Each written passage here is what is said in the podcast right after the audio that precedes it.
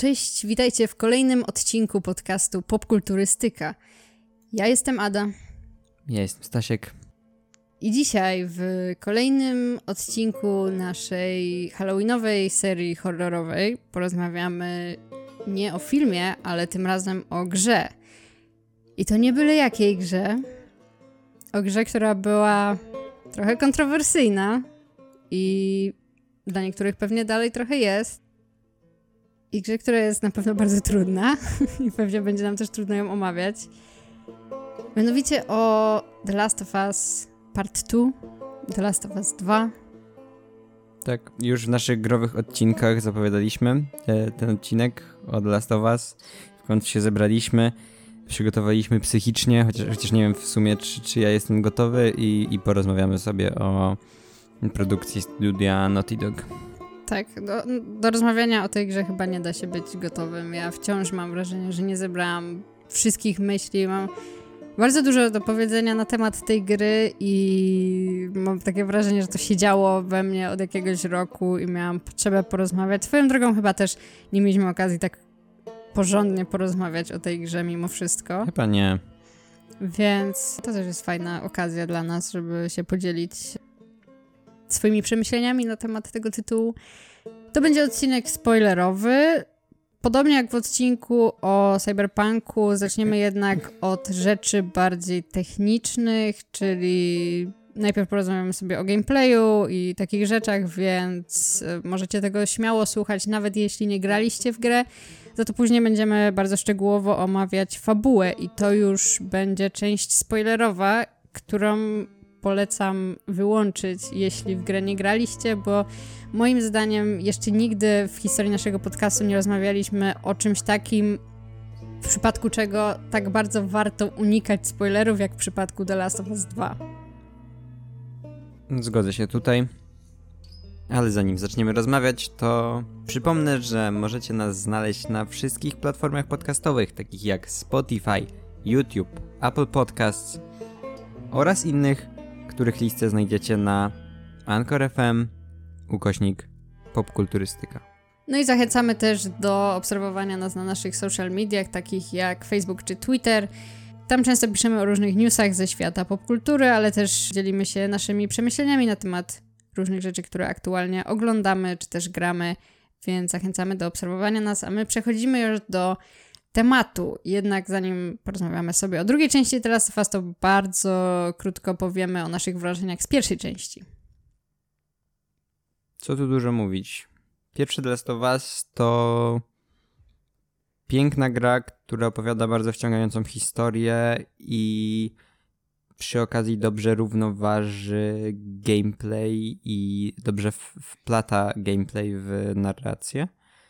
I jest to jedno z lepszych i bardziej emocjonalnych doświadczeń growych, e, jakie miałem okazję przeżyć. No ja w zasadzie zgodzę się ze wszystkim, co powiedziałeś.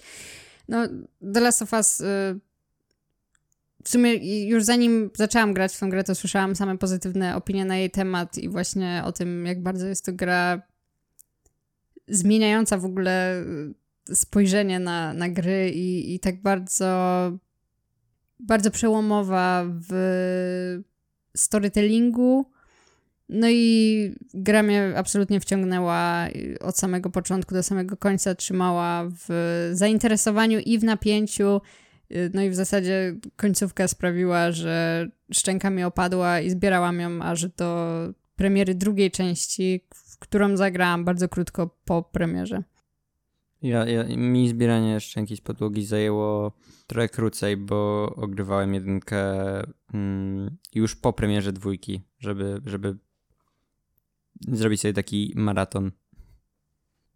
No dobra, przejdźmy do tematu. The Last of Us 2. Premiera tej gry miała miejsce 19 czerwca 2020 roku. Reżyserem był ponownie Neil Druckmann, ale tym razem w scenariuszu towarzyszyła mu Hallie Gross, bo w pierwszej części on sam pisał scenariusz, tutaj dostał trochę pomocy. Co widać, zmienia się trochę, bardzo się zmienia podejście do tej gry i szczerze mówiąc byłam aż w szoku, że ten sam człowiek robił tą grę co pierwszą część, biorąc pod uwagę, jak bardzo Mhm. inne i świeże podejście ma w porównaniu do pierwszej części. No i co warto też wspomnieć, The Last of Us 2 jest obecnie grą z największą ilością nagród wśród wszystkich gier, jakie wyszły. Na początku tego roku przebiła w tym Wiedźmina 3, no i obecnie The Last of Us 2 ma około 300 nagród. Pewnie już nawet więcej, bo mam wrażenie, że tych nagród cały czas przybywa. Tak jak wspomnieliśmy wcześniej, zaczniemy od tych elementów technicznych, czyli od grafiki, gameplayu. No i myślę, że tutaj jest o czym mówić, bo grafika w The Last of Us 2 to jest coś, co też powala od pierwszych chwil i w ogóle cała strona techniczna The Last of Us 2 to jest coś, o czym warto pomówić, bo to jest gra z zeszłego roku, ale gra, która wyszła na PlayStation 4 i w którą grałem na podstawowym PlayStation 4 i ta gra wygląda obłędnie. To jest prawdopodobnie najładniejsza gra, w jaką grałem. Mhm. I nie tylko jest ładna, ale ma świetnie zrobiony model fizyki na przykład. Bardzo dużo pracy zostało włożone w jakieś takie najmniejsze szczegóły. I to nawet jeśli nie zwraca się na to uwagi, tylko czyta się potem ciekawostki w internecie, to jednak mimo wszystko to wszystko buduje podczas grania podświadomie nawet taką atmosferę takiego pełnego produktu, produktu, który nie był pośpieszany, który nie, nie wyszedł za szybko i który nie, nie wyszedł tylko dlatego, że komuś e, śpieszyło się przed świętami. E, Nie, nie chcę pokazać palcami, o jakiej grze mówię, którą też grałem na PS4. I Nie wiem o jakiej grze mówisz, ale ta sytuacja przypomina mi trochę granie w Cyberpunka 2077. Na tej samej konsoli, parę miesięcy po y, graniu właśnie w The Last of Us 2 i dla mnie tym bardziej szokiem to było, bo zobaczyłam do czego, jaki potencjał ma ta konsola i wciąż ja miałam naprawdę spore wątpliwości, czy ta gra mi pójdzie na, na tym Mhm. PlayStation, na tym podstawowym PlayStation 4 i faktycznie brzmiała ta konsola jakby miała wybuchnąć zaraz albo odlecieć w kosmos, ale jednak dała radę i no tak jak powiedziałeś, to jest jedna z najładniejszych albo najprawdopodobniej najładniejsza gra, w jaką kiedykolwiek grałam. Byłam naprawdę, naprawdę w szoku, że da się w ogóle wyciągnąć coś takiego z tej starej konsoli. No i o ile miałam wcześniej wątpliwości, czemu Naughty Dog chce wydać tą grę jeszcze na PlayStation 4, a nie już na PlayStation 5, no to jednak widać, że no faktycznie robili tą grę z myślą o PlayStation 4, w przeciwieństwie do innych e, studiów i innych gier. No ale tak, wspomniałeś też o tej właśnie dbałości o szczegóły i tej fizyce różnych rzeczy. No to robi wrażenie i to robi wrażenie już w trakcie gry, a jeszcze większe wrażenie robi, jak y, po prostu później sprawdzałam po prostu w internecie, oglądałam jakieś filmiki na YouTubie pokazujące właśnie te szczegóły, które mi nawet umknęły całkowicie, a które są naprawdę godne podziwu. No chociażby coś takiego jak to, że kiedy zabijamy wroga i on gdzieś tam się przewraca i rozlewa się krew dookoła, to sposób, w jaki ta krew się rozlewa, jest różny w zależności od tego, jakie jest podłoże. Jeśli jest ziemia, to będzie wsiąkać w tą ziemię. Jeśli są płytki, to będzie się rozchodzić wzdłuż fug i tak dalej. I, i też y, właśnie takie rzeczy bardziej jak fizyka różnych rzeczy, jak się zachowują w grze. Chociażby mamy dużo takich, swoją drogą, jedna z moich ulubionych rzeczy w gameplayu to były te zadania, kiedy mieliśmy linę i musieliśmy kombinować, co zrobić z tą liną, w jaki sposób ją przerzucić i wykorzystać, żeby gdzieś się dostać na przykład. No to jak ta lina się zachowuje, to jest y, niesamowite, z jaką dbałością o szczegóły jest odwzorowana po prostu fizyka prawdziwej Mhm. liny można ją zaplątać i, i chodzić z nią o, i o różne powierzchnie, Tak. różne przedmioty ją plątać. To jest super. To bardzo robi wrażenie. Mhm. No i takich szczegółów jest cała masa, nie będziemy tutaj mówić o wszystkich, ale jeśli nie widzieliście tego albo graliście w grę i nie zwróciliście uwagi, no to polecam po prostu właśnie obejrzeć sobie te filmiki z tymi wszystkimi detalami, bo no to robi naprawdę, naprawdę bardzo duże wrażenie. No to tyle jeśli chodzi o te rzeczy związane z grafiką, optymalizacją, fizyką. A teraz przejdźmy sobie do tego, jak się gra w tę grę, bo można mieć piękną grę, można mieć dbałość o szczegóły, ale jak to wypada w praktyce? No ja tutaj mogę powiedzieć taką trochę może niepopularną opinię, może popularną, w sumie nie wiem. Ja nie przepadam za mechaniką The Last of Us w ogóle, łącznie z pierwszą częścią. Nie jest to, jeśli chodzi o samo na przykład strzelanie i tak dalej, nie jest to mój ulubiony rodzaj mechaniki. Nie, nie, nie sprawia mi po prostu takiej przyjemności, powiedzmy, jak w innych grach. Jakby coś jest tutaj nie tak, nie jestem w stanie wskazać palcem dokładnie na co, co, co jest po prostu dla mnie trochę męczące i, i mam wrażenie, że trochę nie mogłam też stwierdzić, czy bardziej lubię albo czy bardziej nie lubię właśnie strzelać i robić wszystko powiedzmy na głośno, czy jednak wolę się skradać i, i, i wszystkich pokonywać po cichu, bo jedno i drugie mam wrażenie, że coś, coś mi tam nie grało. Ale z drugiej strony wydaje mi się, że zwłaszcza w przypadku drugiej części trochę wpływ na to, jaką radość czerpałam z gameplayu mogła mieć e, fabuła, która mnie wciągnęła tak mocno, że czasem po prostu chciałam zrobić, przejść ten, tą część gameplayową jak najszybciej, żeby po prostu dotrzeć już do tego momentu, gdzie fabuła idzie dalej, bo byłam tak bardzo ciekawa, co się będzie działo dalej.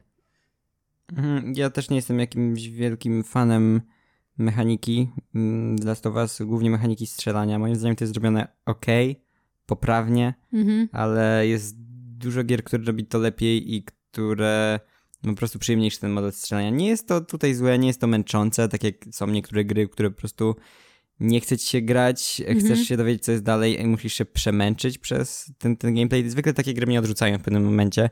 Tutaj tak nie było. Tutaj, okej, okay, godziłem się na to i, i jakoś nie, nie męczyło mnie to. Jakąś rozrywkę z tego czerpałem, ale no nie było to coś, co, za co zapamiętałem tę grę.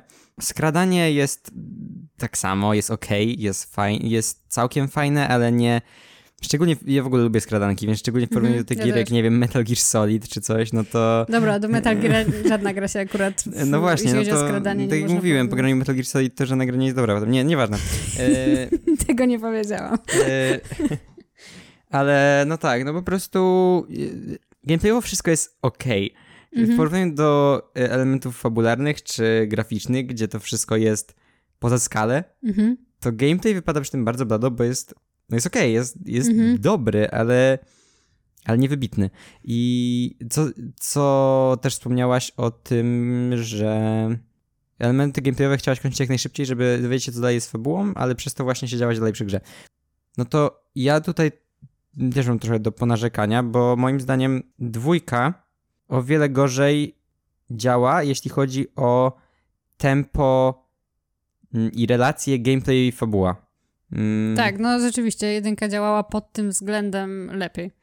Mm, w jedynce to było jakieś takie bardziej płynne przechodzenie z tego strzelania do tych cutscenek, do dialogów, do eksploracji i to y, jakoś tak ani razu nie miałem takiego momentu w jedynce, żeby to mnie zmęczyło. Cały czas mhm. działo się coś nowego, co mnie wciągało coraz bardziej i e, to było, i to było związane i z gameplayem, i z cutscenkami.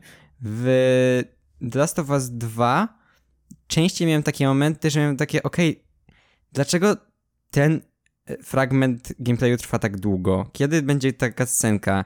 Dlaczego ja tu idę i idę i strzelam i strzelam, i dalej nic, ni, nie ma niczego, co by mnie bardziej zaciekawiło. Tak. Dużo większa powtarzalność i dużo, dużo więcej takiego, no nie wiem, nie wiem jak to powiedzieć, dużo gorsze tempo, o po prostu. Mhm. No tak, zgadzam się z tobą, rzeczywiście to tempo jest słabiej wyważone niż, niż w przypadku jedynki. Pacing ogólnie w tej grze jest trochę, trochę dziwny i trochę nierówny. Wiem, że dużo osób na to narzekało i rozumiem, bo zarówno fabuła ma momentami problemy z tym pacingiem, jak i właśnie ten, ten balans fabuły i gameplayu. Wydaje mi się, że po prostu jedynka była bardziej liniowa i to w przypadku tej gry działa najlepiej, a w dwójce często dawali nam trochę zbyt dużą przestrzeń do eksploracji i to bardzo przedłużało mm. mm po prostu ten czas, który się spędzało na no po prostu na, na grze, na gameplayu. Chociaż eksploracja akurat są, co dobrego jest, jeśli chodzi o to. Eksploracja jest zrobiona fajnie w tej grze, bo gdzie nie pójdziesz, to dostajesz jakiś element historii. I, znaczy nie mhm. głównej historii, tylko dodatkowe historie. Dodatkowe historie, które to nie są side questy jak w większości gier, tylko z, z kontekstu, z tego, jak wygląda dana lokacja, mhm. możesz się domyślić, co się tu wydarzyło. Czasami są też jakieś, jakieś listy, jakieś e, dzienniki, ale to nie jest tak jak niektóre gry, które polegają na tym, że ci opiszą wszystko, co się stało, mhm. tylko znajdziesz jakieś ciało, przy nim coś tam leży, gdzieś tam jest wybite okno i to wszystko tworzy spójną historię i to sprawia, że bardzo mm, chce się zaglądać do wszystkich zakamarków. To jest bardzo fajnie zrobione i przyznam szczerze, że ja bardzo często mam tak, że ja zbieram w grach wszystko, co się da i eksploruję na tyle, na ile się da, ale często właśnie jak są, dostajemy jakieś takie tekstowe rzeczy, jakieś tu jakieś notatki, tu jakieś coś, to po pewnym czasie zazwyczaj w grach po prostu już nie chcę mi się tego wszystkiego czytać, mhm. bo mnie to nudzi. The Last of Us 2 był chyba pierwszą grą, w której czytałam absolutnie wszystko, co mi wpadło w ręce, bo każda rzecz, która każda rzecz, którą się zebrało, wnosiła coś właśnie nie do głównej fabuły, tylko tworzyły jakieś tam swoje mm, poboczne y, wątki fabularne, które oczywiście nie dają nam nic w kontekście głównej fabuły, nie, nie zmienią nam tego, jak postrzegamy finał, czy, czy jak postrzegamy jakieś postacie z y, gry, ale po prostu dostajemy ciekawe wątki poboczne i, i, i dowiadujemy się, co się działo w jakimś miejscu, na przykład na początku y, tej całej apokalipsy, powiedzmy, albo całkiem niedawno, albo. No nie będę tutaj spoilerować, wchodzić w szczegóły, ale po prostu warto szukać tych rzeczy i warto je czytać. Ale właśnie z drugiej strony dostajemy bardzo dużo też takich innych rzeczy w tym w tej eksploracji mamy też te jakieś sejfy, mamy te jakieś tam warsztaty, jakieś coś, przez to dużo więcej się czasu poświęca na tę eksplorację. Jak do tego jeszcze dojdzie ilość wrogów, których dostajemy po drodze do pokonania, no to robi się z tego już dosyć długi czas gry, co niektórym może pasować, ale dla mnie właśnie po pewnym czasie momentami robiło się to może zbyt wtórne. Mhm. Ale to, to się zgodzę. Ale to też jest takie drobne zastrzeżenie, w sensie to nie jest coś takiego, co bym powiedziała jakiś taki, nie wiem, duży minus tej gry, który jakoś bardzo zaniża moją ocenę, tylko taki bardziej nie, nie. drobny detal, który mógł być zrobiony lepiej. No i jeszcze jedna rzecz, o której trzeba wspomnieć, bo jest tutaj, wydaje mi się, bardzo ważnym elementem, to jest muzyka. Mm, po raz kolejny robi ją Gustavo Santaolalla i ta muzyka jest przepiękna i wspaniała i zwłaszcza te takie spokojne utwory, to jest coś, czego mogę po prostu słuchać y, cały czas i to jest jeden z najlepiej zrobionych soundtracków y, do gier, jakie słyszałam w życiu. Nic do dodania. Soundtrack idealny, świetnie komponująca się z historią muzyka. No dobra, no to tutaj się kończy nasza część bezspoilerowa i teraz przechodzimy do omówienia fabuły. I tutaj będą spoilery, spoilery bardzo duże. I po raz kolejny chcę powiedzieć, że jeśli nie graliście w tą grę, to nawet jeśli nie macie zamiaru zagrać w tą grę, wyłączcie w tym momencie ten podcast. Naprawdę, być może kiedyś będziecie mieli okazję zagrać i naprawdę warto wtedy nie wiedzieć o tej grze absolutnie nic i wtedy moim zdaniem ona działa najmocniej. Tak mocno jak powinna. Uwaga! Spoilery. No to zacznijmy od samego początku. Podzielimy to omówienie na części tak mniej więcej jak jest właśnie podzielona gra. Więc zacznijmy od tego powiedzmy prologu, czyli tego wszystkiego, co dostajemy na samym początku. W zasadzie na, na samym początku gry jesteśmy mniej więcej w czasie zaraz po wydarzeniach z pierwszej części. Mm, dostajemy tam krótkie sceny między postaciami i później przenosimy się 4 lata później to tutaj właśnie się dzieje akcja drugiej części. Ellie i Joel mieszkają teraz w miasteczku Jackson, które nie wygląda jakby w ogóle była tam apokalipsa zombie, więc żyją sobie dosyć spokojnym i miłym życiem. Do pewnego czasu. No i, no i tutaj się na samym początku dzieje to, co dla wielu osób już było nie wiem, przekreślało tą grę. To, co wywołało największą burzę w internecie i powiedziałeś wcześniej kontrowersyjna. Kontrowersje to jest mało powiedziane. Ta gra mhm. była wściekłość. Tak, to, to, było, to była po prostu burza hejtów i, i nienawiści.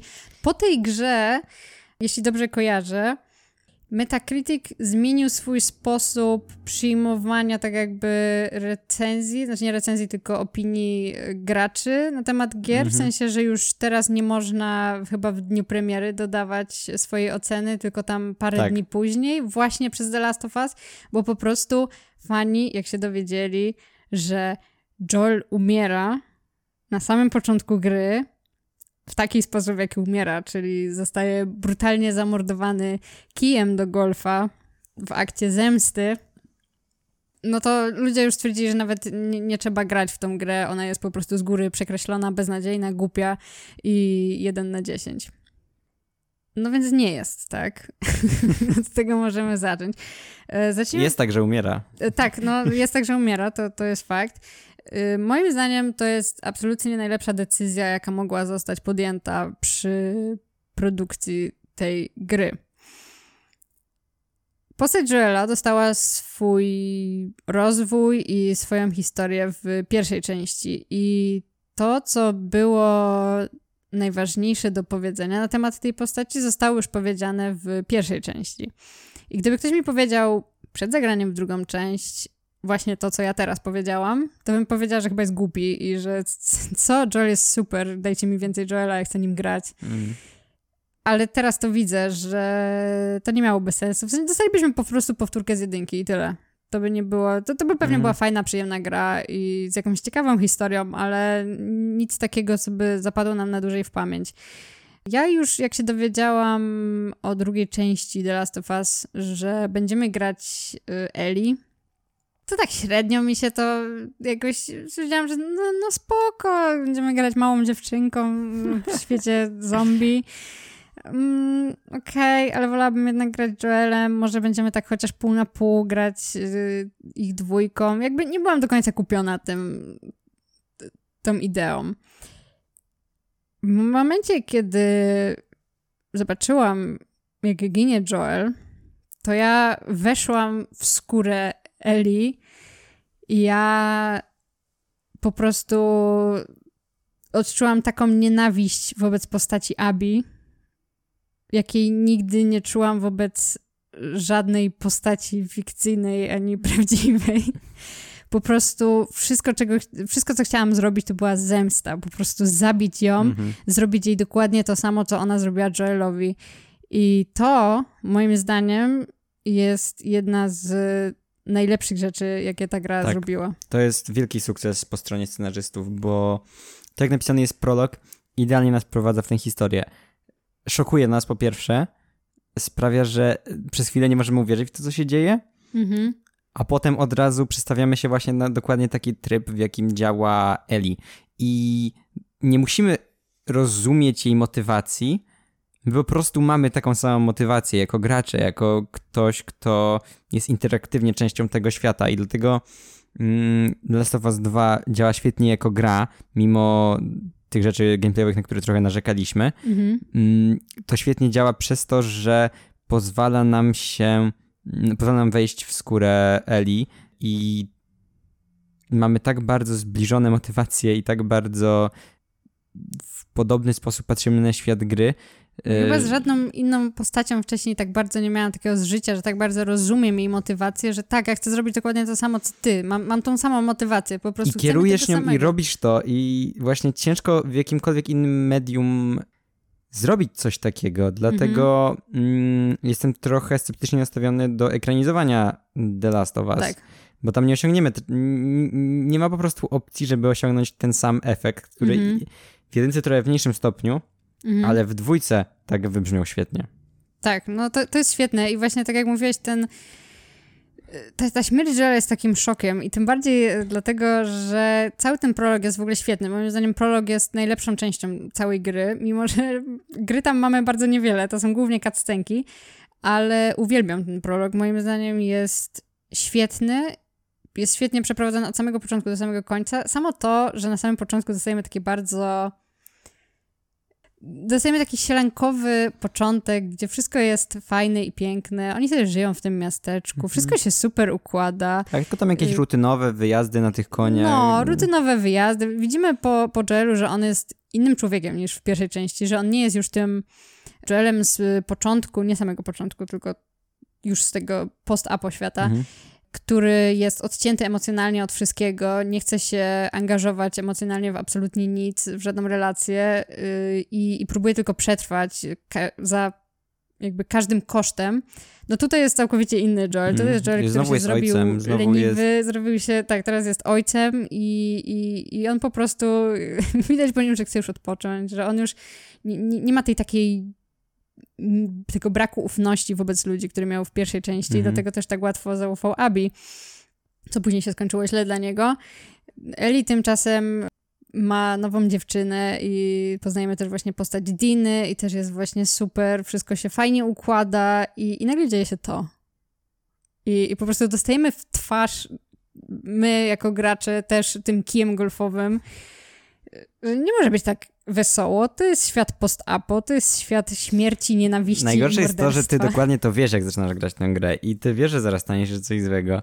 Tak, to od samego początku jest budowany taki nastrój niepokoju. Już no samo właśnie. intro, kiedy się pojawia napis The Last of Us 2, w tle jest tak złowroga muzyka, że już wiesz, że o, będzie niedobrze. I tylko czekasz, czekasz na ten moment, kiedy wszystko się posypie. O pewnego momentu już wiesz, że to jest już ten moment, gdzie zaraz się posypie. Tak. Jeszcze dostajesz e, do grania Abi na chwilę, e, jeszcze zanim to się dzieje, po raz pierwszy.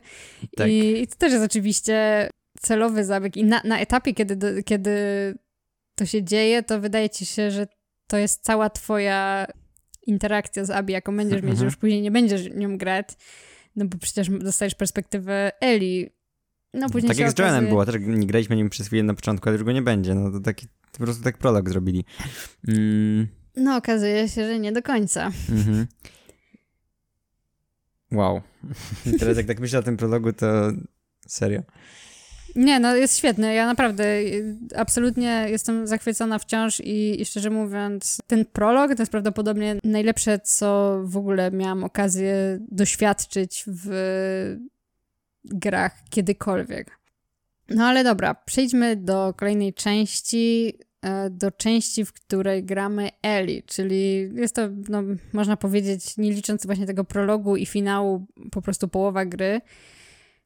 No i wyruszamy tą Eli na naszą misję w celu zemsty. Jesteśmy, znaczy ja byłam po prostu bardzo into. Bardzo zaangażowana byłam w tą zemstę. Ja tutaj już oczami wyobraźni widziałam coś w stylu filmów Quentina Tarantino, gdzie ta zemsta mhm. będzie taka satysfakcjonująca, że ją zabijemy i to będzie takie super. Teraz jak o tym myślę, to, to, to czuję się... Brudna. No, brudna. Jakby to, to nie jest normalne, ale, no, ale to jest gra, tutaj przemoc jest okej. Okay. I, I wyruszamy na, na to i i jesteśmy tak bardzo przekonani swojej racji na samym początku, jak Eli zresztą. I, i, i jakby zupełnie ignorujemy wszystko to, to, co Eli robi po drodze. Ona zabija brutalnie i bezlitośnie wszystkich, którzy wejdą jej na drogę. Oczywiście e, na początku dołącza do niej Dina, która cały czas jej towarzyszy i swoją drogą to jest bardzo fajne, w sensie moim zdaniem, tutaj też jest lekkie zażalenie, lekki minus, że moim zdaniem The Last of Us działa najlepiej i to zarówno pierwsza, jak i druga część, kiedy mamy dwie osoby i jedną osobą mm. gramy, a druga osoba nam towarzyszy i rozmowy, które się wtedy wywiązują między tymi postaciami są zawsze świetne i ja bym mogła e, te rozmowy po prostu słuchać sobie tak po prostu, nawet, mogłabym nawet nie grać, po prostu słuchać samych tych rozmów i to już samo w sobie jest e, super. Później dostajemy dużo fragmentów, zwłaszcza chyba właśnie w tej części z Eli, gdzie ona sama gdzieś idzie i nie ma tych rozmów i te fragmenty wypadają trochę słabiej. Znaczy trochę też oczywiście jest to zabieg, myślę, taki właśnie emocjonalny, który ma nam pokazać trochę to, jak czuje się Eli, ale moim zdaniem właśnie najfajniej wypadają te fragmenty, kiedy ktoś nam towarzyszy. To prawda. No i to jest właśnie fajne to, o czym powiedziałaś, że wyruszamy na tę podróż, nastawieni na tę zemstę i właśnie chętni do mordowania każdego na naszej drodze i tacy nie możemy się doczekać, aż, e, aż dojdzie do tego spotkania, do tej konfrontacji, aż pociągniemy za spust albo właśnie użyjemy znowu kija golfowego czy, czy coś takiego. Ale jednak w pewnym momencie tej, tej pierwszej części tego aktu zaczynamy coraz bardziej wątpić w to, co Eli robi. Zaczyna nas mm -hmm. trochę denerwować. Mm -hmm. I przez to zaczynamy też kwestionować swoją własną motywację. I to jest właśnie to, kiedy, jak mówiłem, że prolog sprawia, że wcielamy się dokładnie w tę w skórę Eli i, i czujemy dokładnie to, co ona, to ten pierwszy akt sprawia trochę, że, że pozwala nam, albo nawet każe nam spojrzeć na to z trochę innej perspektywy. Trochę, trochę każe nam się zastanowić w pewnych momentach. Są takie sceny, które są zrobione tylko po to, żebyśmy mieli takie, czy to na pewno jest słuszne? Mhm. I, i, i, żeby, I żebyśmy to nas skłania do refleksji, że kurde, przed chwilą sam chciałem to zrobić. Ale, mhm. ale, ale teraz jak gra każe mi kogoś torturować, no właśnie, to jest taki pierwszy moment, w którym zaczynamy lekko wciskać hamulec yy, tej naszej nienawiści, jaką mamy do postaci Abi. I zaczynamy się zastanawiać, czy na pewno warto, yy, bo docieramy właśnie do momentu, kiedy trafiamy do tego szpitala, gdzie jest Nora, osoba, która być może wie, gdzie jest Abi, ale żeby to z niej wyciągnąć, musimy ją torturować. I to nie jest tak, że siedzimy i oglądamy cutscenkę, w której Eli sobie ją torturuje. To my musimy wcisnąć ten kwadrat, żeby ją bić i wyciągać z niej tą informację. I to jest, to jeszcze nie jest ten moment, w którym ja przynajmniej miałam takie, że dobra, nie, to jest za dużo. Ale to jest moment, w którym zaczęłam się zastanawiać, czy to by na pewno jest słuszna decyzja. zaczęłam mieć wątpliwości. I, I te wątpliwości zaczęły się robić coraz większe później, mm, bo też czasie, kiedy Eli dociera do tego szpitala, po drodze jeszcze mamy ten wątek z Diną, która jak się okazuje jest w ciąży, więc no nie może nam towarzyszyć, ona zostaje tam w tym teatrze.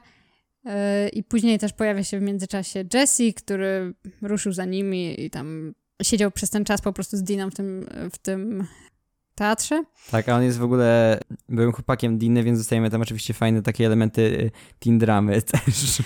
Tak, aczkolwiek jakkolwiek by to nie brzmiało, y, żałuję trochę, że bardziej nie rozwinęli tego, w sensie wydaje mi się, że Jesse stał się trochę jednowymiarową postacią, że on się stał po prostu tym takim cool kolesiem, który wszystkim pomaga, jest spoko hmm. i generalnie mm, on jest w sumie biologicznym ojcem tego dziecka, które będzie miała Dina, ale nie ma żadnego problemu z tym, że Dina jest teraz z Eli i on jest cool guy i, i, i w żaden sposób ta postać nie zostaje pogłębiona. Z jednej strony mam wrażenie, że gdyby zagłębili się w tą dramę, to to by było takie bardzo oklepany wątek y, takiego powiedzmy trójkątu między tymi trzema postaciami. Z drugiej strony trochę płytko to wybrzmiało moim zdaniem. Ta postać y, Jesse'ego miała potencjał, żeby coś ciekawszego tutaj wprowadzić, a, a był taką trochę jednowymiarową postacią. Prawda. No ale właśnie drugi moment takiego, kiedy jeszcze bardziej może wciskamy ten hamulec, albo nawet dwa momenty. Pierwszy jest taki, że widzimy po Eli, że zaczyna trochę mm, mieć gdzieś to, że Dina jest w ciąży i być może nie powinna być teraz w jakimś opuszczonym teatrze otoczonym przez zombie, kiedy Jesse wydaje się być trochę bardziej przejęty tym problemem. Ale drugi... Mm, Tam pojawiają się nawet wątpliwości, czy nie powinni wracać, zaprzestać tej wendety. Tak. Ale no Eli jest jednak zbyt za bardzo nastawiona na swój cel. No i udaje jej się przekonać resztę, bo, bo tam robi trochę taką manipulację i mówi, że jak znajdę Abi, to znajdę też Tomiego, bo on przecież też wyruszył, żeby ją zabić yy, i oni muszą mu pomóc, więc Jesse ostatecznie wyrusza razem z Eli, żeby znaleźć Tomiego. No i tutaj mamy właśnie ten drugi moment, kiedy Jesse domyśla się, gdzie może być Tommy, ale Eli wie, gdzie jest Abby i już tutaj mamy ten taki rozłam, że Jesse po prostu postanawia iść tam, gdzie słyszał, że jest Tommy, żeby mu pomóc, no a Eli twierdzi, że najlepszym sposobem, żeby uratować Tomiego jest zabicie Abby, co nie ma sensu oczywiście, ona po prostu chce ją zabić. I to, jest, to już jest dla mnie ten taki moment, kiedy mam takie, kiedy miałam takie, że dobra, Eli, ogarnij się, przestań, to już nie warto, jakby już ten cel zabicia Abi jest już jest cały czas tak daleko, nie zbliżamy się do tego w żaden sposób, a po drodze jakby zbyt wiele tracimy. Mhm. Jeśli to ma sens. To ma sens, bo chyba to chce nam powiedzieć ta gra. No tak, to, to jest faktycznie jeden z tych momentów, kiedy, kiedy, kiedy, no jeden z tych momentów, to jest ten moment po prostu, kiedy już całkowicie, przynajmniej, no ja to miałem tak jak ty właśnie, że wtedy całkowicie już zacząłem potępiać to, co robi Eli i zauważać, jak, jak bardzo to jest złe. I jestem wrażenie, mam wrażenie, że to jest bardzo intencjonalne, że to jest dokładnie ten moment, bo to jest już Mhm. pod sam koniec tego, tego wątku Eli. I, I w zasadzie potem jest już chyba tylko kulminacja, w której w ogóle Eli robi takie rzeczy, że, że, że, że też nie chcesz tego robić, też nie chcesz naciskać tych przycisków i nawet nie chcesz na to patrzeć. A dopiero myśl o tym, że przed chwilą miałeś dokładnie takie same nastawienie i uważałeś, identyfikowałeś się aż tak bardzo z, z Eli. I, I to jest ten moment, kiedy zmienia się narracja. Mhm. No tak, znaczy narracja dosłownie zmienia się jeszcze trochę później, ale jeszcze dostajemy jakby na dodatek, jakby jak już jesteśmy na tym etapie, kiedy stwierdzamy, że dobra, nie warto, może okej, wystarczy, no to jeszcze dostajemy ten tą scenę, ten fragment, kiedy Eli dociera do tego akwarium, czyli tej lokalizacji, gdzie miała być Abby. I ona zabija Owena, którego jeszcze wtedy nie znamy za dobrze, ale zabija go. Zabija Mel, która jak się okazuje jest w ciąży. Po drodze też zabija psa i to jest w ogóle też... Trochę mnie to bawiło, że ludzie, którzy narzekali na The Last of Us, mówili właśnie, że o Jezu, ta gra próbuje nam na siłę sprawić, żebyśmy nie lubili Eli, bo każą nam zabijać psa i kobietę w ciąży i jakby... W sensie to, co ona robi, ma jak najbardziej sens w kontekście tej postaci, którą ona jest i gdyby nie to, że my no popatrzyliśmy na to wszystko trochę bardziej na trzeźwo powiedzmy i, i zaczęliśmy zauważać to że, to, co, że to, co ona robi jest złe, no to jeszcze parę godzin gameplayu wcześniej zrobilibyśmy dokładnie to samo, jakby nie czując żadnych wyrzutów y, co do tego, więc moim zdaniem to jest właśnie moc tej gry, że cały czas wszystko to, co robi Eli jest zachowane w tym, jak ta postać jest zbudowana, w sensie, że Mhm, ma w ramach to jej sens. motywacji. Tak, w ramach jej motywacji. Tak samo jak miało sens zabicie wszystkich ludzi w szpitalu przez Joela w pierwszej części, bo to po To też prostu... było kontrowersyjne zakończenie swoją drogą. Też, też było kontrowersyjne. I też miało jak najbardziej sens w kontekście po pierwsze świata, w jakim się ta gra odbywa i po drugie w kontekście tego, jaką Joel był postacią i jakie były jego motywacje i jaką relację miał z Eli. No, w zasadzie powiedziałeś wszystko, co ja chciałem powiedzieć, bo i to, co ja w sumie wcześniej trochę mówiłem. Mm. No tak, nie mam nic do dodania, możemy iść dalej. No dobra, no to docieramy do tego, co wydawałoby się.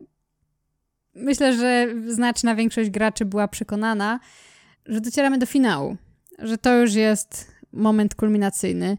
Albo przynajmniej Jesteśmy- ostatnia prosta. Tak, jesteśmy w wspomnianym wcześniej teatrze. Jest tam Ellie, jest Jessie, Dina, Tommy i pojawia się też Abby, która zabija Jessiego, strzela do Tomiego i jest wściekła na Eli, że pozabijała wszystkich jej przyjaciół. No i zastanawiamy się, co się teraz będzie działo. I w najbardziej trzymającym w napięciu momencie, kiedy zastanawiamy się, co teraz się wydarzy, pojawia się czarny ekran. Cofamy się o parę lat do tyłu i dostajemy młodą Abi, która biega po lesie i ratuje zebry ze swoim ojcem.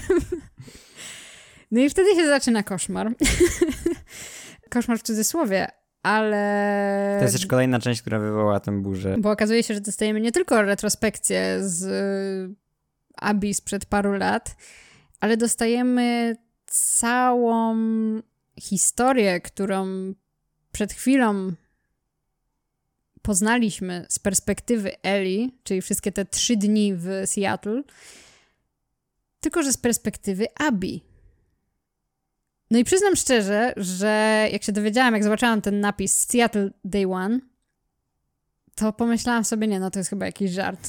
Ja nie będę grać teraz Abi, której nienawidzę, mimo wszystko wciąż, w sensie jakby, okej, może nie chcę już jej zabijać aż tak bardzo, już mi na tym tak nie zależy, ale wciąż jej nienawidzę. Ja, ja nie będę nią teraz grać przez kilkanaście godzin i, i poznawać całą tą historię. Nawet nie wiem, czy ja w tym momencie nie wyłączyłam gry i nie stwierdziłam, że dobra, wystarczy mi na dzisiaj, koniec. I dużo osób y, podejrzewam, że wyłączyło tą grę na tym etapie na zawsze i dało ocenę 2 na 10 i zaczęło hejtować tę grę wszędzie, gdzie się da. No ale to jest bardzo kontrowersyjny zabieg. To jest kontrowersyjny zabieg, ale który działa tak świetnie. Szczególnie w kontraście do tego, o czym mówiliśmy wcześniej, o tym byciu jednością z Eli, o tym wspólnym celu. I teraz wywrócenie tego wszystkiego do góry nogami, postawienie nas po drugiej stronie barykady, po tej, której tak bardzo nie chcieliśmy być, po tej, której tak nienawidziliśmy przez pierwszą połowę, ale jednocześnie już po tym, jak zostaliśmy oderwani od Eli e, pod koniec jej części, więc to jest zrobione świetnie, to jest zrobione w idealnym momencie chyba gry. No, tak. tak bardzo jakbyśmy jako gracz wtedy grający w to chcieli dowiedzieć się co jest dalej, z punktu widzenia narracji to jest tak świetnie wprowadzone w tym momencie, żeby teraz nam pokazać wszystko z tej perspektywy i całkowicie obrócić narrację o 180 stopni i sprawić, żebyśmy zżyli się z Abi, co wydaje się niemożliwe na tym etapie. Mhm.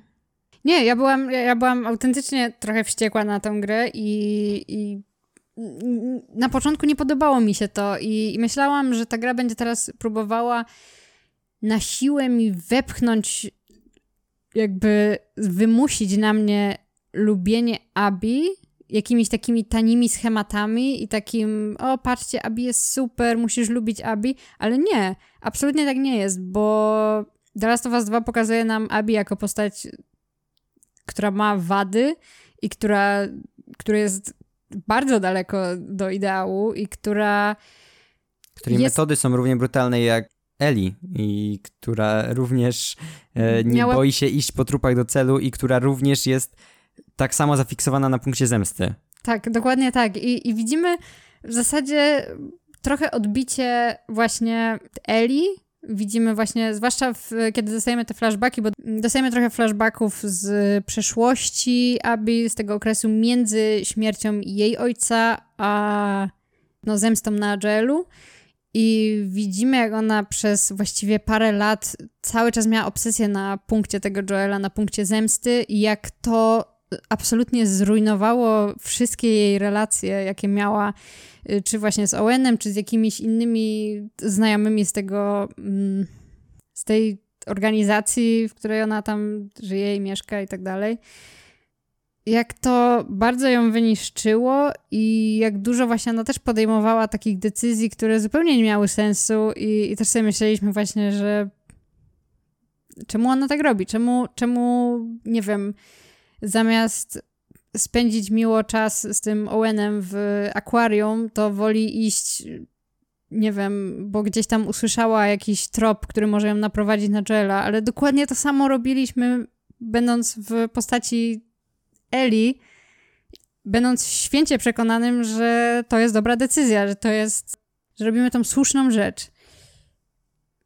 No i powiem tak, po całej tej części z Abby jednak jestem bardziej wciąż przywiązana do Eli, po prostu ze względu na to, że znam ją dłużej i że miałam, jakby dostałam Eli w takiej formie neutralnej, w sensie, że nie miałam żadnych y, emocji, żadnych uprzedzeń do tej postaci na etapie, kiedy się pojawiła. No, Abi dostaliśmy w takiej formie, że od samego początku jej nienawidzimy. Więc ciężko, żeby. No i plus jeszcze Eli znamy też znacznie dłużej, mhm. więc no, ciężko. Nie dałoby się zrobić tego, żebyśmy polubili Abi bardziej. No, bardziej, ale też no, wydaje mi się, że logiczne jest to, że, że dużo osób po prostu zarzucało tej grze, że o, że mamy teraz polubić Abi tak samo jak Eli, albo nawet właśnie jeszcze bardziej. Ale to jakby nie o to chodziło. Chodziło o to, żeby zrozumieć tą postać, zrozumieć jej motywację i zobaczyć po prostu, że jak bardzo ona jest właśnie podobna do Eli i, i że tak samo działała cały czas na tym bezsensownym mechanizmie tej zemsty, po prostu zaślepiona tą zemstą i tą chęcią zabicia Joela ponad wszystko.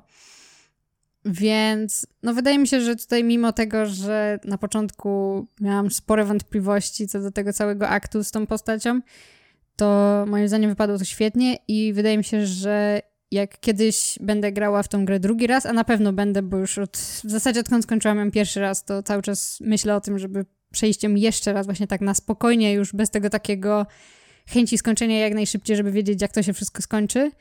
Myślę, że przy drugim podejściu ta gra będzie jeszcze znacznie lepsza i będzie można po prostu na spokojnie doświadczyć całą tą historię.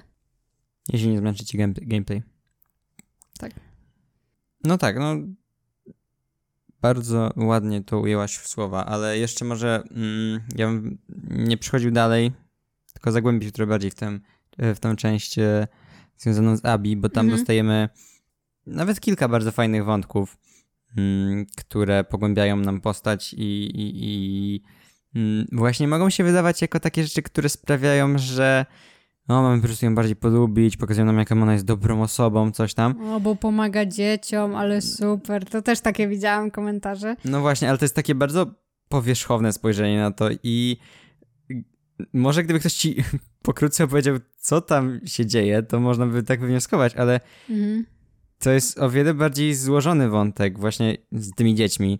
Mm. Jarom i Lewem. Jarom i Lewem, e, którzy są uciekinierami z sekty e, Seraphites, czy też e, Scars, z którymi Abi buduje bardzo ciekawą relację mhm. i ta relacja nie jest na początku jednoznacznie pozytywna, to nie jest tak, że ona od razu nie przygarnia te dzieci czy coś no jest nie, dla nich właśnie... super miła i bo przez to jak wcześniej też yy, kolejny raz to co robi ta gra pokazuje nam ten, yy, ten sektę z jednej perspektywy, a potem dopiero pozwala nam zajrzeć w jej głąb i zrozumieć jej członków. Mhm. Tak, no Abi właśnie miała takie mocne uprzedzenia co do tych wszystkich Seraphites i to hmm, było... Zupełnie jak my wobec Abi. No. E, I to było wielokrotnie nakreślane już, już wcześniej, aż do tego stopnia, że można się było domyśleć, że coś będzie na rzeczy z tymi Seraphites. E, no i faktycznie ona ratuje tego Lewa i, i Jarę, ale to nie jest tak, że ona ich ratuje, bo jest taką dobrą osobą. Ona ich na początku zostawia w zasadzie na pewną śmierć i tak naprawdę dopiero później, kiedy męczą ją koszmary o tym, że te dzieci są martwe, to zaczyna mieć wyrzuty sumienia i wraca się po nich i no i ostatecznie ich ratuje, ale, no ale właśnie to nie jest tak, że, że to jest jakiś taki pusty wątek, który jest wprowadzony tylko po to, że mm, patrzcie jaka to jest dobra postać, ratuje dzieci, nie, nie, to nie jest, strzela do psów. To jest wątek, który bardzo fajnie w takim skrócie obrazuje całe, cały motyw, całą tematykę tej gry trochę i to właśnie jak y, w takim mikroobrazie nam pokazuje to, jak nasze podejście wygląda i jak ono się zmienia z czasem, bo to jest właśnie to, to samo. Abi ma jakieś uprzedzenia, Abi poznaje lepiej ich historię, ich perspektywę, zaczyna mieć wyrzuty sumienia, zaczyna się zastanawiać, czy to, co zrobiła, jest poprawne. To jest dokładnie ta sama droga, którą mhm. przeżywamy mm -hmm. my jako gracz, grając tę grę. Mm -hmm. I, I to jest moim zdaniem bardzo fajnie napisane i bardzo, bardzo fajny zabieg. Mhm, tak, zdecydowanie. No i w ogóle y, relacja głównie z Lewem, bo, bo Jara tam przez większość czasu leży prawie martwa i czeka, aż oni dostarczą jej ze szpitala jakieś tam leki potrzebne, żeby ją uratować. No to głównie właśnie Abi ma tą relację z Lewem, zresztą później oni razem tam uciekają i jeśli powstanie trzecia część, to pewnie się pojawią oni w dwójkę w niej. Mhm. Mm, no to wydaje mi się, że też ta relacja świetnie działa i jest taki bardzo duży kontrast między tymi postaciami. To są postacie z dwóch różnych światów, z dwoma różnymi w ogóle całkowicie odrębnymi charakterami, ale Lew pełni bardzo ważną funkcję w rozwoju postaci Abi i to widać tak. dosłownie, jak przyjdziemy do późniejszej części fabuły, to, to widać w jak wielkim stopniu on ma wpływ na jej postać. No właśnie. W zasadzie już w samych dialogach, kiedy oni zostają sami, to za każdym razem jak rozmawiają, to ich relacja i, i to w jaki sposób rozmawiają sprawia, że dowiadujemy się czegoś więcej, coraz więcej o Abi i e, Lew wy, wydobywa z niej jakieś takie trochę ukryte elementy tej postaci, które, które możemy poznać wtedy. I choć nie jestem fanem tempa w, tej, w tym fragmencie właśnie gry, to, mm -hmm. to mhm. jest moim zdaniem ten moment, kiedy mamy dużo tego suchego gameplayu i mm -hmm. powtarzalności, Mhm. to... W ogóle wydaje mi się, że w. Sorry, że ci przerywam, ale że w obu właśnie tych częściach, i w części Abi, i w części Eli, tak gdzieś po połowie tych ich części fabularnych jest takie spowolnienie tempa Mhm. i mamy właśnie tak więcej gameplayu. No właśnie nie wiem, niż... tak jakby chcieli to przedłużyć, ale trochę nie rozumiem dlaczego. No właśnie też nie. Moim zdaniem obie te części mogłyby być trochę krótsze, skrócone Mhm. właśnie od te długie wycieczki pełne strzelania i skradania się. Mhm. I no właśnie, i to jest, to jest, to, to jest długi fragment, trochę nużący, ale który nadrabia tymi fragmentami relacji, Mhm. Tak, no fragmentami właśnie. z dialogami. To jest właśnie plus, że w, właśnie Eli w tym etapie, o którym mówiliśmy przed chwilą, czyli w tym, który się właśnie zaczyna trochę ciągnąć, ona jest tam sama. Właśnie później ona się rozdziela z tym Jessim i, i ona idzie cały czas sama. I przez to to jeszcze bardziej się ciągnie, moim zdaniem, właśnie w, e, przypadku Eli. A w przypadku Abi sporym plusem jest to, że cały czas ten lew jest przy niej. Najpierw lew, później jeszcze jak oni tam wracają później z tego szpitala i wyruszają znowu w poszukiwaniu lewa na tą wyspę Seraphites, to znowu jest wtedy Jara i wtedy też Abi z nią rozmawia i cały czas te interakcje są i one są bardzo ciekawe i bardzo ciekawie są napisane. I w ogóle fajne echo też tej jedynki, gdzie mieliśmy starszą postać opiekującą się dzieckiem w No, tym świecie. To swoją drogą, to, to bardzo przypomina, zresztą myślę, że to też miało mm, też trochę wpływ na ostateczne przebaczenie e, Eli, bo Mhm. zobaczyła trochę jednak siebie i Joela w postaci tej Abi i Lewa, No tak. ale to o tym później. Zresztą też nie wspomnieliśmy właśnie o, o flashbackach z części Eli, które się też tam często pojawiają i właśnie tam, nie wiem, są z dwa albo trzy te flashbacki takie dłuższe trochę, gdzie ona gdzieś tam parę lat wcześniej robi coś z Joelem i, i dostajemy też trochę taki wgląd y, w to, jak wyglądała ich relacja przez te lata i jak Eli się dowiedziała o tym, że Joel pozbawił ją tej decyzji na temat jej życia i tego, czy ma się poświęcić, żeby powstało to lekarstwo na tą zarazę zombie, cokolwiek. I tak naprawdę przez te, to też ma fajny wpływ fabularny, bo, bo przez to, że dostajemy tak dużo tych mm, flashbacków, to cały czas gramy Eli w przekonaniu, że ona się pokłóciła z Joelem i nie miała okazji się z nim pogodzić. I to też później się mm, zmienia trochę perspektywa na to w finale. Ale wracając do Abi, no też wydaje mi się, że właśnie Lew trochę właśnie bardzo pomógł w rozwoju tej postaci i też właśnie relacja Abi z Lewem bardzo wpłynęła na to, jak ja odbierałam Abi. I, jak bardzo to zmniejszyło moją chęć, jeszcze bardziej zmniejszyło moją chęć zabijania tej Abi.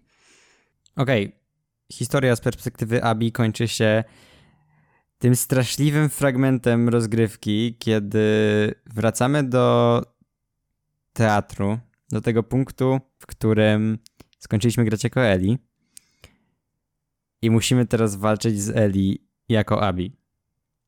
I to jest straszne i narracyjnie i gameplayowo, bo po pierwsze wow, Eli jest potężna jako NPC, z którym trzeba walczyć. No, no, nawet zaczęła mnie bardzo denerwować, Tak. jak, jak, jak z nią walczyłam. No jest potężna. Tak, to jest, to, to, to, jest frustrujący fragment rozgrywki, jeśli chodzi o stopień trudności, ale też jeśli chodzi o to, co, co musimy robić i czego być świadkami. Nie, to jest okropne i to jest to, o czym mówiłeś e, na początku, że The Last of Us się sprawdza bardzo dobrze w medium, jakim jest gra, bo danie nam Abi do sterowania, żeby biła się z Eli, to Mhm. jest najbardziej brutalna, ale tak mentalnie brutalna rzecz, jaką gry chyba kiedykolwiek zrobiły, bo no nie wiemy, co się stanie, nie wiemy, co zrobi Abi i, i nie wiem, ja czułam po prostu, miałam wrażenie, że ręce mi drętwieją i odmawiają posłuszeństwa, kiedy musiałam bić Eli i, i prawie ją zabijać tam. Straszne to było, Straszne. okropny moment gameplayu. I to jeszcze właśnie po tym, po tej długiej historii, jaką mamy z Abi już, po tej całej przygodzie, jaką przeżyliśmy i po tym, jak bardzo już, no, zaczęliśmy jej wybaczać, zaczęliśmy ją lubić I, i nagle dzieje się to. Ale z drugiej strony wiemy, że jakby role były obrócone, to wcale nie byłoby nam przyjemniej. To Mhm. jesteśmy w takiej sytuacji bez wyjścia trochę w tym teatrze. I to jest też rozegrane, rozegrane bardzo dobrze. Scenariuszowo i, i właśnie gameplayowo. No nie, to jest świetne. Po prostu to jest roller coaster emocji i w zasadzie o całej grze tak mówiłam, że żadna gra nie wywołała we mnie tylu różnych emocji, co właśnie The Last of Us 2.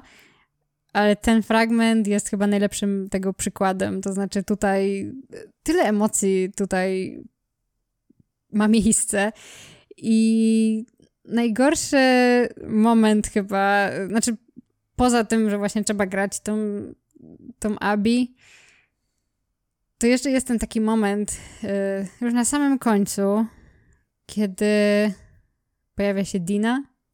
Ona tam wpada i atakuje Abi. I Abi chce poderżnąć jej później gardło i Eli mówi, że Dina jest w ciąży.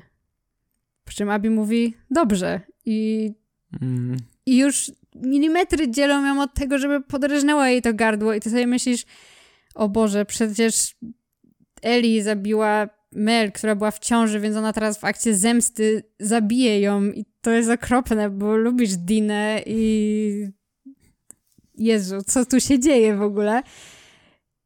Ale wtedy właśnie pojawia się Lew, który zwraca jej uwagę i no, on po prostu mówi do niej tam Abi czy coś takiego.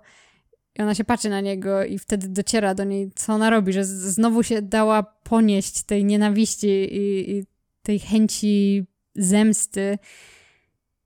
I nie wiem, mam wrażenie, że po jej twarzy widać jakieś takie obrzydzenie sobą, że, Mhm. że co ona w ogóle chciała zrobić przed chwilą, ona po prostu no, rzuca ten nóż i no tam mówi coś tam, że żeby się więcej nie, nie, nie pokazywała Eli czy coś takiego i sobie idzie.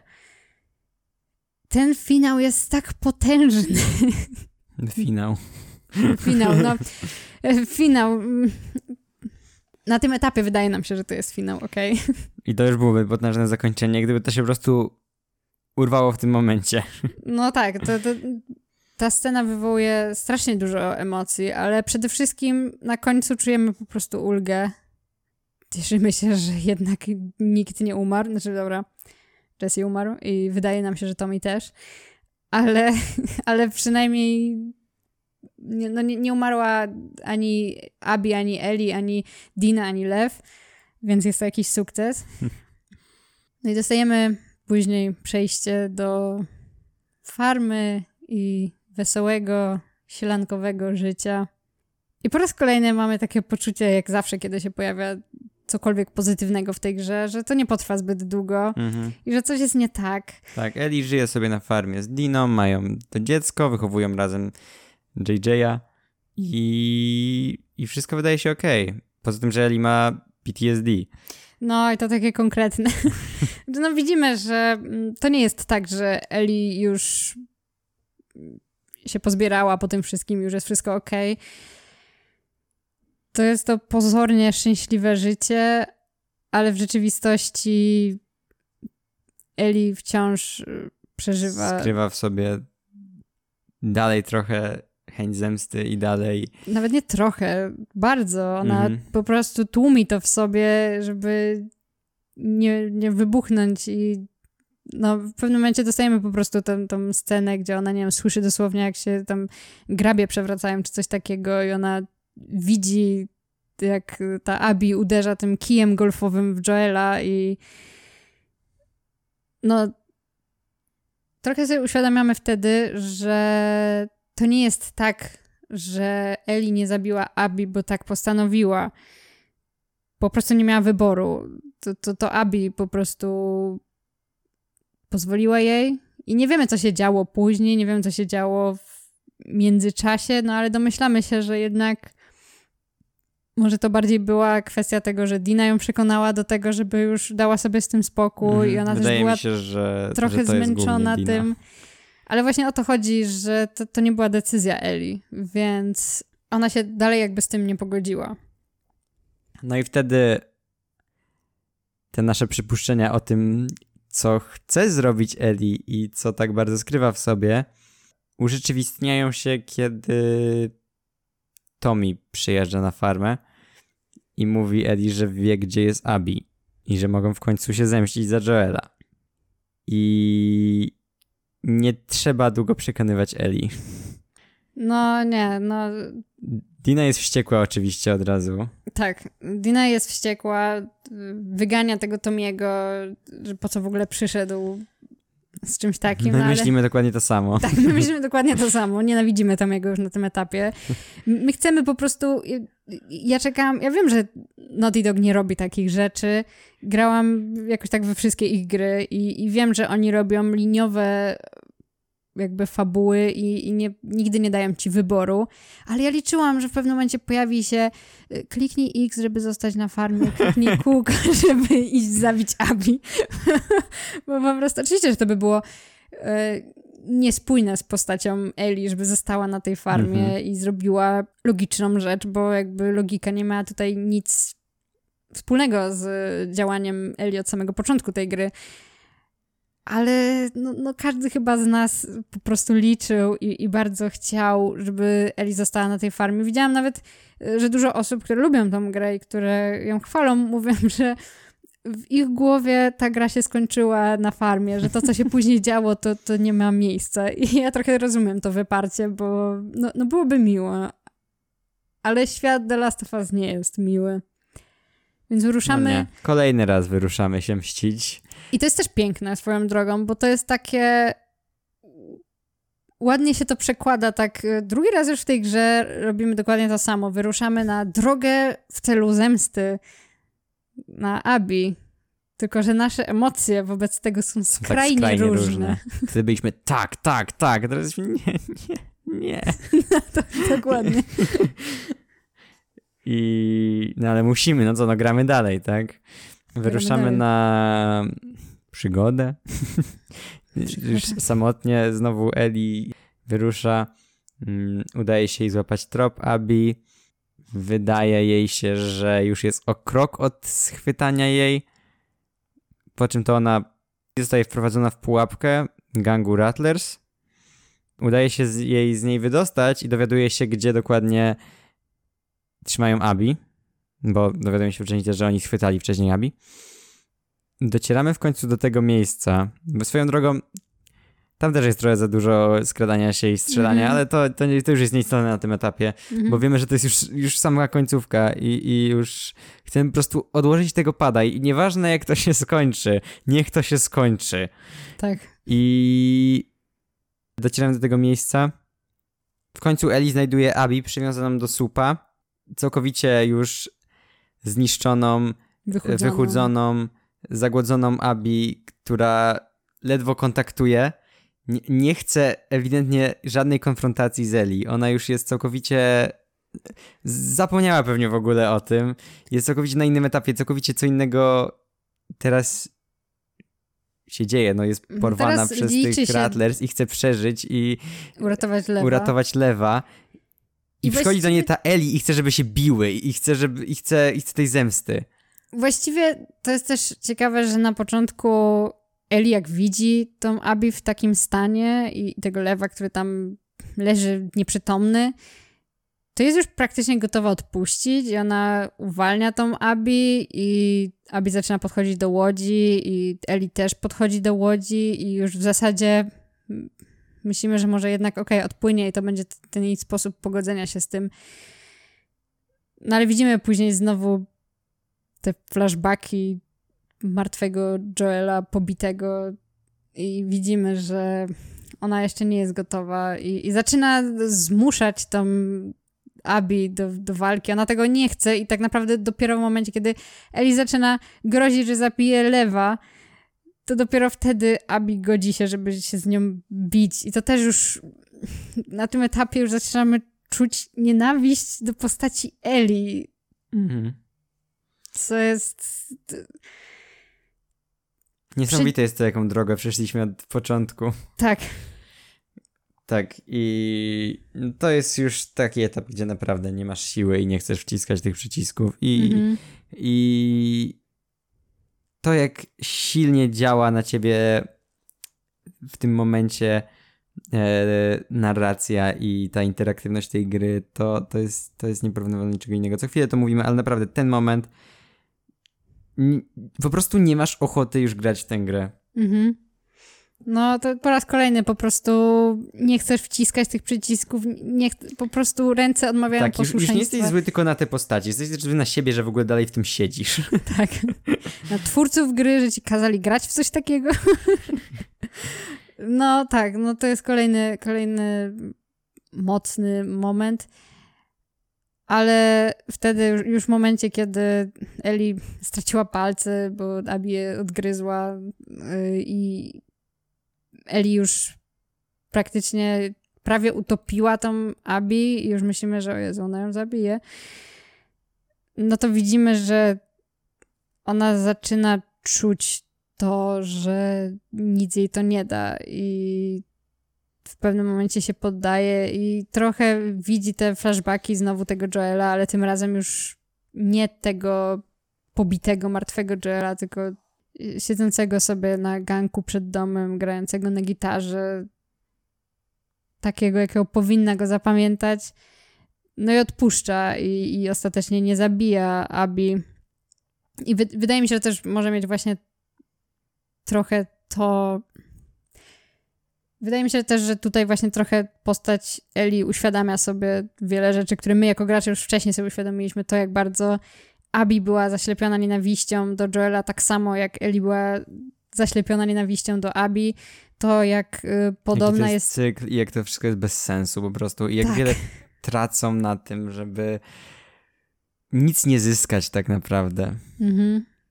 No i ostatecznie Eli odpuszcza, daje Abi uciec. Eli też odpływa, wraca na farmę, która jest pusta. Tutaj już zaczynamy płakać. Wijać się w kulkę. Tak. Taka scenka cały czas leci. e, I Eli próbuje grać na gitarze, ale nie może, bo nie ma dwóch palców. I tu zaczynamy płakać jeszcze bardziej. A potem jeszcze na sam koniec dostajemy ostatnią retrospekcję z Joelem. I okazuje się, że wieczór przed tym, jak Joel umarł, tego samego wieczora, kiedy Eli pokłóciła się z Joelem po tej jakiejś tam imprezie, gdzie całowała się z Diną, oni się pogodzili ostatecznie. Kiedy my przez całą grę myśleliśmy, że nie mieli tej okazji się pogodzić po tym, jak Eli była zła na Joela przez cały ten czas o to, że zabrał jej ten wybór, ale ostatecznie się pogodzili i Eli cały czas miała tą perspektywę tego, że po pierwsze zmarnowała cały ten czas, kiedy była obrażona na Joela, a po drugie dopiero co tak jakby właśnie pogodziła się z nim i miała okazję zacząć od nowa i wiele wspólnych przygód i chwil było przed nimi, ale zostało jej to zabrane. Mam wrażenie, że to tak jeszcze bardziej. No, no, to jest idealna scena na, na koniec tej gry, moim zdaniem. Zacząłem sobie to wszystko wspominać i, i myśleć o tym, i, i, i chce mi się teraz płakać. I... No, to już jest ten moment, kiedy e... już całkowicie płaczemy. To nie, to w, w we własnych łzach. No, to to jest właśnie The Last of Us 2. No, to jest właśnie The Last of Us 2. No i dostajemy w zasadzie otwarte zakończenie. I widzimy, jak Eli gdzieś idzie. Nie wiadomo gdzie. I tyle. I widzimy potem logo Naughty Dog. Pokazujemy faka. Pokazujemy temu logo faka ale też dziękujemy za tą wspaniałą przygodę. I siedzimy później przez te napisy końcowe. Patrzymy się w przestrzeń, słuchamy muzyki i nie wiem na co czekamy. nie wiem, analizujemy to, co się stało i, i przetwarzamy to, jak się sami czujemy z tym finałem. No ja mam wrażenie, że wciąż nie, nie pozbierałam się do końca psychicznie po, po tej grze i po tym finale i po tym wszystkim. The Last of Us 2 to jest y, gra, która myślę, że zapadnie mi w pamięć na dłużej niż jakakolwiek inna gra, w jaką grałam i myślę, że pod względem właśnie tej fabuły jest to jedyne niepowtarzalne doświadczenie, którego żadna inna gra nie osiągnęła i no, no ja byłam zachwycona, mimo tego, że mówiliśmy o paru minusach, paru rzeczach, które nam się nie podobały, to wciąż dla mnie The Last of Us 2 to jest gra wybitna.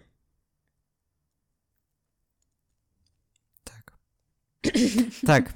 Tak, The Last of Us 2 to jest e, świetna gra, nieidealna, niepozbawiona wad, nie najlepsza w jaką grałem, ale w tym co robi jest świetna i wywołuje więcej emocji niż jakakolwiek inna gra. Może? ja, wiem, ja z pewnością nie... mogę tak powiedzieć. E, bo... Chyba tak. Chyba, chyba jeśli chodzi o samą ilość emocji, to, to, to, to tak. E, I jest to na pewno coś wyjątkowego i niesamowite przeżycie i nie wiem, czy można to powtórzyć. Jestem ciekaw, co nam zaserwują w przyszłości Naughty Dog, czy dorówna temu poziomowi zaangażowania, jaki czuliśmy grając tę grę i, i, i, i mm, przeżywając tę historię.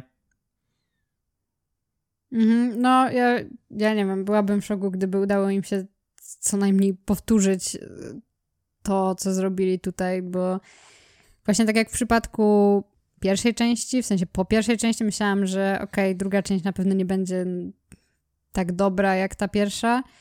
Moim zdaniem, o ile pierwsza część była bardziej spójna i bardziej właśnie ta relacja, gameplay, fabuła lepiej działała, tak druga część zdecydowanie na dłużej mi zostanie w pamięci i jest też moim zdaniem, nie wiem, bardziej jakaś taka przełomowa, jeśli chodzi o sam storytelling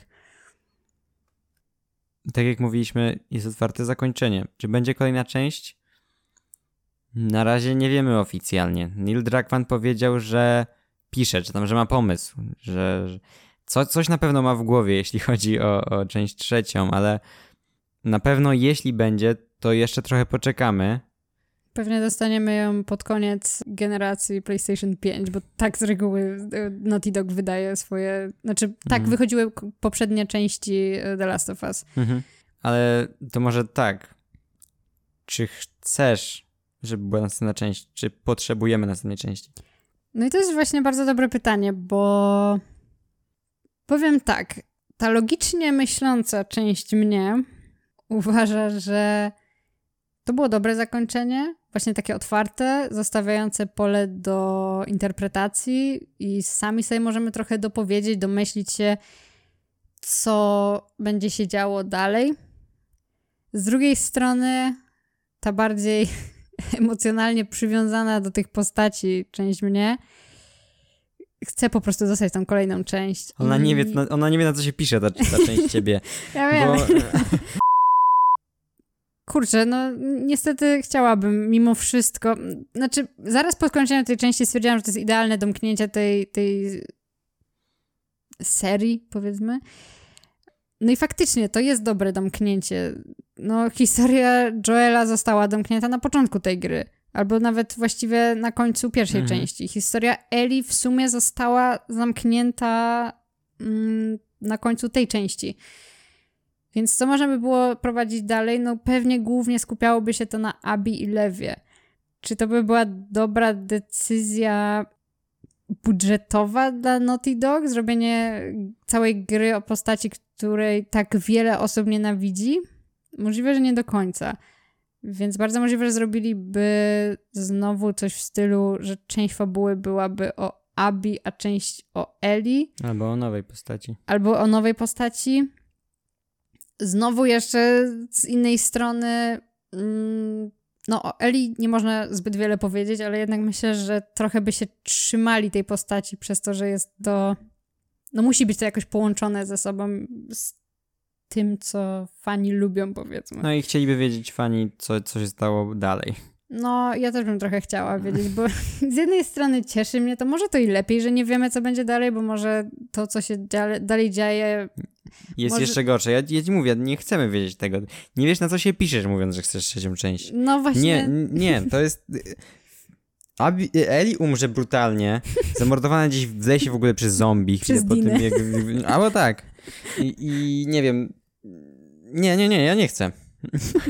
Nie chcesz? Nie, ja nie chcę kolejnej części. Wow. Eee, tak mi, to jest, znaczy, tak, to jest to, co ja mówię teraz, bo gdybym skończył jedynkę, nie wiedząc, że będzie dwójka, mhm. też mówił, że nie chce drugiej części, że co tak. to w ogóle za pomysł, że to jest takie dobre zakończenie, że nie chce drugiej części. Mhm. I teraz on tak samo mówię, że nie chce trzeciej części, ale może mnie zaskoczą. Jeśli to będzie trzecia część, która będzie tak dobrze napisana jak dwójka i też będzie miała coś nowego, ciekawego do powiedzenia, i będzie miał jakiś ciekawy motyw główny, taki tutaj było z tą zemstą i ceną zemsty, mhm.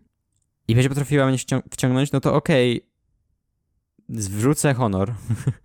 I, i oczywiście będę się cieszył, że dostaliśmy coś dobrego, ale na tę chwilę chyba jestem usatysfakcjonowany z tym, co mamy i chyba nie chcę trzeciej części. Znaczy ja mam w zasadzie podobnie, w sensie właśnie moje podejście do trzeciej części jest takie, że jeśli Neil Druckmann czy ktokolwiek inny będzie miał naprawdę ciekawy, nowatorski, bardzo pomysłowy plan na to, co chcę pokazać w tej trzeciej części i że to będzie faktycznie coś nowego, coś świeżego i coś potrzebnego w kontekście tej historii, tych postaci, tego świata, to jak najbardziej pisze się na to. Ale jeśli to będzie robienie trzeciej części dla samego robienia trzeciej części, to nie. To, to wolę, żeby to się zamknęło w tych dwóch częściach. Myślę jednak, że zrobię trzecią część, chociażby z samego faktu, że no w zasadzie zakończyli już serię Uncharted, więc zostało im tak naprawdę, w sensie Naughty Dog, zostało im tak naprawdę tylko to The Last of Us. Póki co nie wiemy nic o żadnych nowych projektach Naughty Dog, nie wiemy czym oni się zajmują teraz. Wiemy o remake'u The Last of Us 1. Ech, mam nadzieję, że nie. Liczę, że dostaniemy jakieś DLC chociaż. Mm, to by mogło być ciekawe. Mm. Podejrzewam, że gdybyśmy dostali DLC, to byłoby to coś o Abi, albo o Abi i Lewie, albo o Lewie i Jarze i tym wątku z Seraphites. Właśnie jestem, no... A może właśnie byłoby to, chociaż nie. DLC chyba... do jedynki to było coś, co się działo w trakcie jedynki, więc myślę, że tutaj było podobnie. Raczej nie kontynuacja. Ale tak teraz nie, nie potrafię wymyślić, w którym momencie mogliby to dokładnie usadowić. Ale faktycznie myślę, że o Lewie to by mogłoby coś być i mm o mhm. Seraphites. No tak mi się wydaje, ale ciężko stwierdzić, w ogóle nie wiadomo, czy będzie powstawało to DLC, bo DLC do pierwszej części wyszło stosunkowo krótko po... Myślę, że już byśmy usłyszeli, gdyby miało coś być, niestety. No właśnie, ale z drugiej strony może to wynika z tego, że Neil Druckmann pracuje teraz nad serialem dla HBO o The Last of Us, więc może przez to po prostu się opóźniły prace, bo jednak chcą, żeby to on się tym zajmował, co A było całkiem logiczne. Pracę. Może porzucili, może e, stwierdzili, że dla tych wszystkich hejtów nie było warto. Nie no, te hejty, e, tak mówiąc całkiem serio, to te hejty były najgłośniejsze przy premierze jakiś czas później, a tak naprawdę im, jak to z reguły bywa z wszystkim, gdzie hejterzy masowo e, dodają negatywne recenzje, to się uspokaja po jakimś czasie i po jakimś czasie zostają tylko te rzetelne recenzje, które w przytłaczającej większości są bardzo pozytywne. To jeszcze zanim skończymy, czy The Last of Us 2 zasłużyło na tytuł gry roku? Hmm, to jest, yy, to jest trudne pytanie, bo The Last of Us 2 wyszło w tym samym roku co Hades.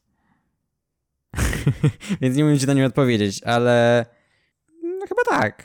Hades też wygrywał dużo nagród w tym roku, więc e, jakoś się podzielili. No, nie wiem, czy to jest w ogóle moja ulubiona gra, ta, gra roku 2020. W ogóle wow, ta gra wyszła jeszcze w pandemię, to w ogóle dodawało tylko no. e, wydźwiękowi temu. W ogóle 2020 był bardzo dobrym rokiem dla gier. Mhm. Dużo bardzo No właśnie, i dlatego i tutaj ta konkurencja wpływa na to, czy to była najlepsza gra 2020 roku, czy, czy zasłużyła na te wszystkie nagrody. No chyba tak, nie wiem.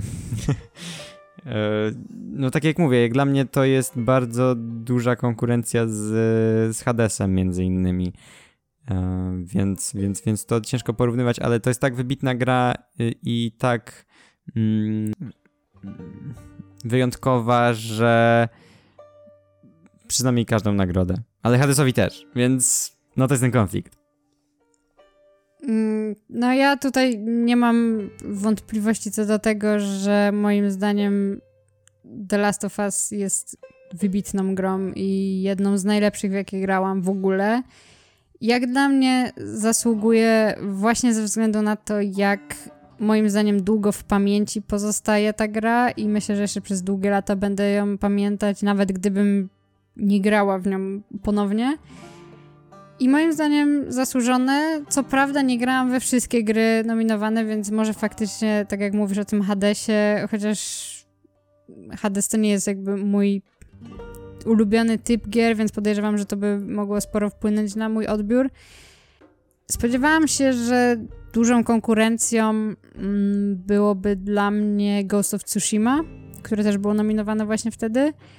Ale jestem teraz w trakcie ogrywania tej gry. Jestem jakoś gdzieś w połowie i bawię się bardzo dobrze i uważam, że to jest świetna gra, ale jednak jak na razie wciąż uważam, że The Last of Us jest no po prostu bezkonkurencyjna. Przez to, jak bardzo inna jest ta gra. Okej. Okay. To było chyba na tyle, jeśli chodzi o The Last of Us 2. Pamiętajcie, że możecie słuchać nas na wszystkich platformach podcastowych, takich jak YouTube, Spotify czy Apple Podcasts. A także zachęcamy do obserwowania nas na naszych social mediach, takich jak Facebook czy Twitter. Do usłyszenia. Na razie.